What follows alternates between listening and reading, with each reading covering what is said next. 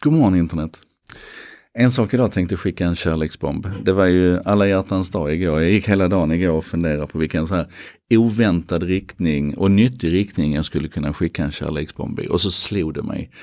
I slutet på januari så publicerade Gizmodo en fantastisk artikelserie som nu ligger under samlingsnamnet Goodbye Big Five.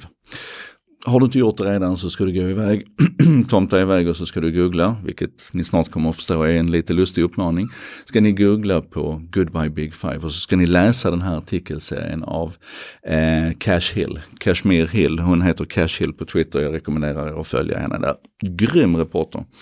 Och den här artikelserien, den är, alltså under sex veckor så, så eh, bestämde hon sig för att, att försöka lämna techjättarna därhän, alltså klippa bort dem ur sitt liv. Ehm, och I tur och ordning så var det, det var Amazon, det var Facebook, det var Google, det var Microsoft och sen var det Apple och sen den sjätte veckan så skulle de klippa bort allihopa. Och det här är ju inte ett, ett, speciellt nytt journalistiskt grepp, men sättet det är genomfört på, det är så tungt. Det är så bra, det är så skickligt och det är så, det är så fantastisk läsning för det är, inte, det är liksom inte dömande på det sättet som vi är vana vid. Det är inte en massa ytliga åsikter utan tekniskt så gick man ordentligt på djupet här så att man tillsammans med en nörd så satte man upp ett VPN, alltså ett eget litet internet till henne där man kunde filtrera bort alla anrop till de här nätjättarna då, vilket bland annat fick till följd att, eh, beskriver det så talande med hennes dotter då som grät krokodiltårar krokodiltårar. Nej, hon grät vanliga tårar. För att man kunde inte titta på Netflix. Då tänker du, ja men Netflix fanns ju inte med på den här listan. Nej men Netflix använder Amazon Web Services. Så att om man inte kan prata med Amazon Web Services så kan man inte se Netflix heller. Och det här upptäckte hon liksom på så många punkter. Ett av de mer fantastiska exemplen det var ju när hon, för att inte använda Google, bytte till eh, eh, DuckDuckGo istället. Och så visade det sig att DuckDuckGo, den här oerhört eh, integritetshyllade sökmotorn, den ligger och rullar på Amazon Web Services. Så då kunde hon inte använda den heller. Och, och hårdvarumässigt när hon, när hon bytte bort sin, sin iPhone mot en, en Nokia, sån här dumbphone istället då, och så en bit in i det så kommer hon på, men vänta här nu, Nokia ägs ju av Microsoft. Då kan jag inte använda den heller. Så börjar hon gräva i det, för det gör hon. Hon går till botten med allting cash. Och så visar det sig då att ja, men Nokia var ju inte med i den här dealen när Microsoft köpte, alltså Nokias dumbphones var inte de här dumma telefonerna. De var inte med när Nokia köpte Microsoft, utan det var ett annat asiatiskt företag som köpte dumbphones-delen istället.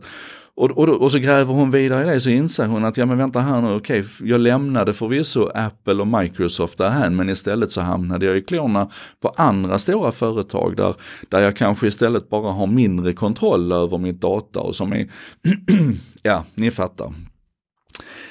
Um, och det här är skitbra. Den sjätte veckan då när hon klippt av alltihopa, det är, det är verkligen anmärkningsvärt hur hon, hur hon då märker att hon kan inte ens surfa på webben liksom för att alla de här sajterna som hon går till, de använder Googles fontbibliotek. Ja, då går det inte att visa några snygga typsnitt, så allting ser ut som skit. Eller ännu värre, många sajter som har tvingande betalväggar eller tvingande betallösningar. Då ligger de som skript och rullar i ett content delivery network som kanske ligger hos Microsoft Azure eller på någon av Googles serverlösningar eller så här det är en lärande berättelse, den är, den är verkligen fascinerande.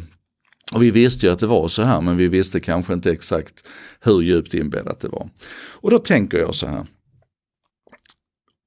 Den, den, den, traditionella visdomen här runt detta handlar om att för att skydda vår personliga integritet så behöver vi klippa bort de här jättarna. Och så antingen så gör vi stort halabaloo av det eller så gör vi lagstiftning av det, typ GDPR och sådär. Men de är ju där de är idag de är ju så här inbäddade för att de levererar bra skit. Alltså när de samlar på sig min data så är det ju inte bara för att sälja annonser på mig eller för att göra intrång i min personliga integritet. Utan det är också för att utveckla de här tjänsterna. Jag menar att Google har plockat fram ett fontbibliotek och, och lagt det där ute öppet för alla att använda. Det är för att de identifierade att det fanns ett behov att göra det och sen har de gjort det så bra så att tjänsterna där ute väljer att använda det här. Jag tror, inte det, jag tror inte ens det är önskvärt att vi ska försöka liksom backa på den här utvecklingen vägen eller att vi ska försöka på något tvingande sätt hålla tillbaka. Och det är ju där min kritik mot GDPR var stark en gång i tiden också och fortfarande är. Det är att vi ska inte lagstifta bruket. Vi ska inte lagstifta bort insamlingen för att då plockar vi också bort alla de goda möjligheterna att göra bra grejer med det här. Utan vad vi ska lagstifta, vad vi ska tvinga techjättarna till, det är ju att, att att ge mig kontrollen när jag vill ha kontrollen. Att vi får de här ännu bättre dashboards än vad vi har idag. Att vi får möjligheten att, att stänga av och säga att det här vill jag inte att du gör på mig och att de då liksom följer det. Och att vi sen straffar skiten ur dem om de missbrukar det här förtroendet. Alltså, ni är med på vad jag menar, att vi ska straffa missbruket och inte bruket. Och det är en riktning som jag tycker att vi behöver röra oss i och den ligger möjligtvis inom vår circle of influence där vi faktiskt kan påverka någonting. Men som sagt, jag tror inte att vi ska resa någon stor varningsflagga för att vi ser vad som händer när, när Cash försöker stänga av alla de här tjänsterna. Utan vi ska nog vara helt tacksamma att de finns för de ger oss en, en bet, ett bättre internet, de ger oss, det är enklare för småtjänster att kicka igång för de kan bygga på alla de här tjänsterna som finns där ute och så vidare. Och det, vi måste hitta rätt balans i detta. Och ett bra sätt att starta den processen det är att du knallar iväg och tittar på Cash och läser Cash eh, Hills fantastiska serie Goodbye Big Five. Det här var en sak idag, det var fredag idag. Ehm, vi ses igen på måndag helt enkelt. Ha en jäkligt bra helg och så läs nu Goodbye Big Five.